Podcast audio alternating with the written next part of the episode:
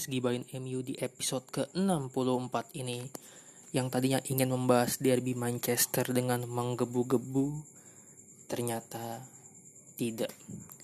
Pertandingannya seperti pertandingan persahabatan, datar-datar aja. Keduanya seperti main aman. Lo pasti yang nonton derby Manchester setuju sama pendapat gue barusan dan gue punya aris ketiduran. Dan entah kenapa gue juga bingung Manchester City mainnya kok kayak gitu ya? Justru MU yang lebih banyak mainin ball possession. Ball possession. Penguasaan bola. City terlihat menunggu. Mereka nggak seperti biasa yang tiki taka ya ala alanya Pep lah. Nggak kelihatan di pertandingan aduh. Gue pun yang tadinya sejak kick off gue udah mantengin udah nungguin karena gue yakin ini bakal jadi derby terpanas karena posisi keduanya di klasmen sementara ini cuma terpaut satu poin. Dan apa namanya mereka pun sama-sama punya satu tabungan laga. Tapi fakta di lapangan berbicara lain. United sendiri pakai formasi 442 diamond 442 berlian memulai laga dengan Wan Bisaka, Lindelof, Maguire, Luke Shaw di belakang. Huh, gua harus menghela nafas. Mohon maaf kalau kedengaran di speaker kalian atau di headset kalian barusan. Ya, faktanya memang seperti itu. Ada beberapa peluang memang Bahkan di babak pertama pun United punya empat tendangan sudut sementara City nol. Benar-benar bukan kayak derby Manchester yang biasa kita saksikan loh. Gue nggak ngerti apa mungkin faktor nggak ada penonton juga berpengaruh. Ya terakhir kali Old Trafford ada penonton itu pas derby Manchester ya. Pas United menang 2-0 musim lalu. Lewat golnya Martial sama McTominay. McTominay dan semalam sayang banget Marcus Rashford, Greenwood, bahkan Pogba juga sempat dapat beberapa peluang di babak pertama. Ederson sempat blunder juga, yang peluang Pogba barusan gue bilang itu, tapi sayang banget gagal dimaksimalkan dengan baik.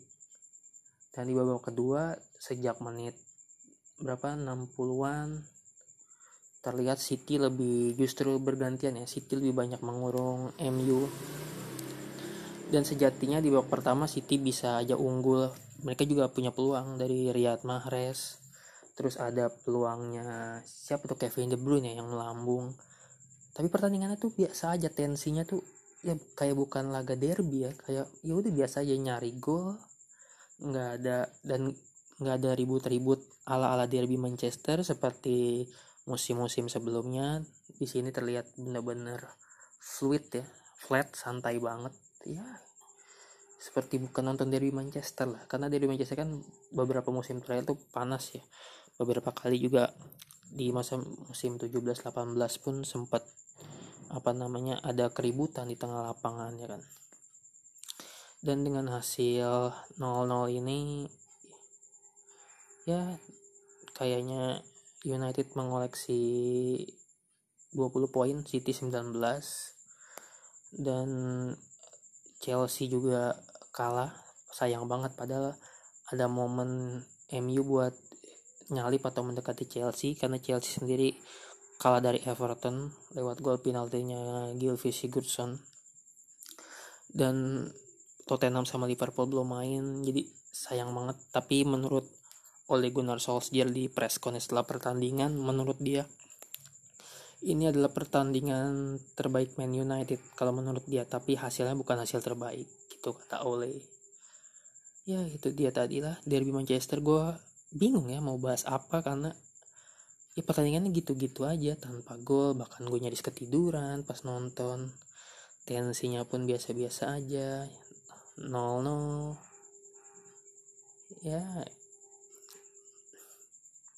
gue pikir biasanya kan kalau posisinya oleh tertekan ya ketika abis kalah sama Leipzig 3-2 dan terlempar dari Europa League biasanya MU menemukan apa ya menemukan sebuah apa ya mereka tuh bisa main bagus banget tiba-tiba dan menang tapi tidak kelihatan dan masih sulit menang di Old Trafford musim ini khususnya di Premier League.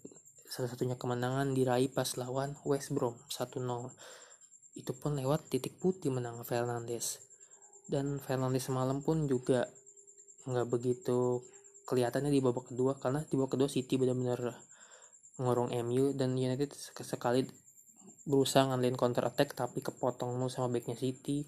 Dan di menit-menit terakhir Fernandes juga dapat dua peluang yang satu shot on target yang satunya melebar. Gue juga nggak tahu apa Fernandes frustasi atau enggak karena mungkin buntu serangannya. Fernandes sendiri ini baru mendapat penghargaan pemain terbaik Premier League ya? Bulan November atau Desember ya? Pokoknya pemain terbaik Premier League.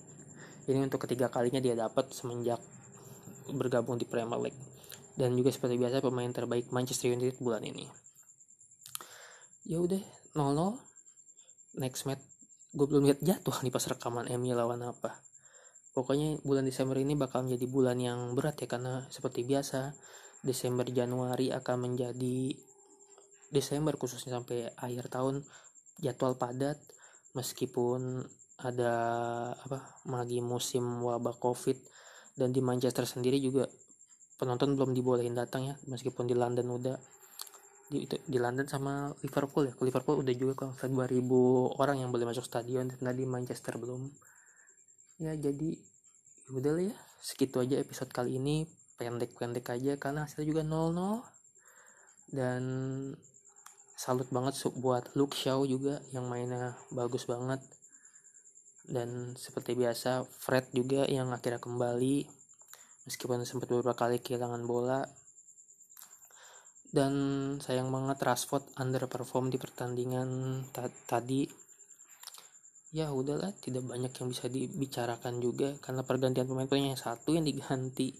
Dan mungkin oleh menikmati permainan menikmati hasilnya 0-0 dan memang dengan hasil 0-0 ini di apa ya di tiga laga terakhir Premier League derby di derby Manchester United nggak pernah kalah dari City. Dan hasil 0-0 ini juga mengulang uh, hasil di bulan Oktober 2015 saat itu masih dilatih Van Hal hasilnya juga 0-0 ya semoga next match United bisa karena rugi nih kalau sering-sering kehilangan poin di kandang karena posisi United sama puncak klasmen kan sebenarnya gapnya nggak terlalu jauh apalagi masih punya satu tabungan laga.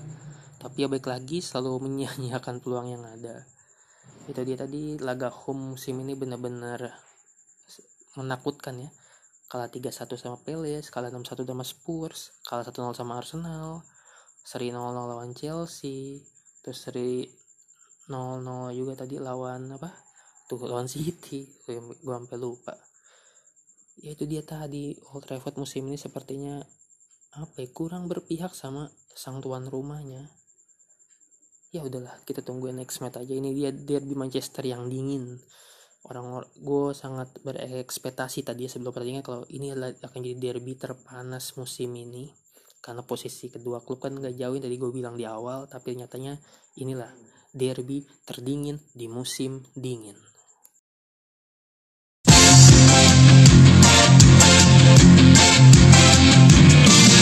Setiap saat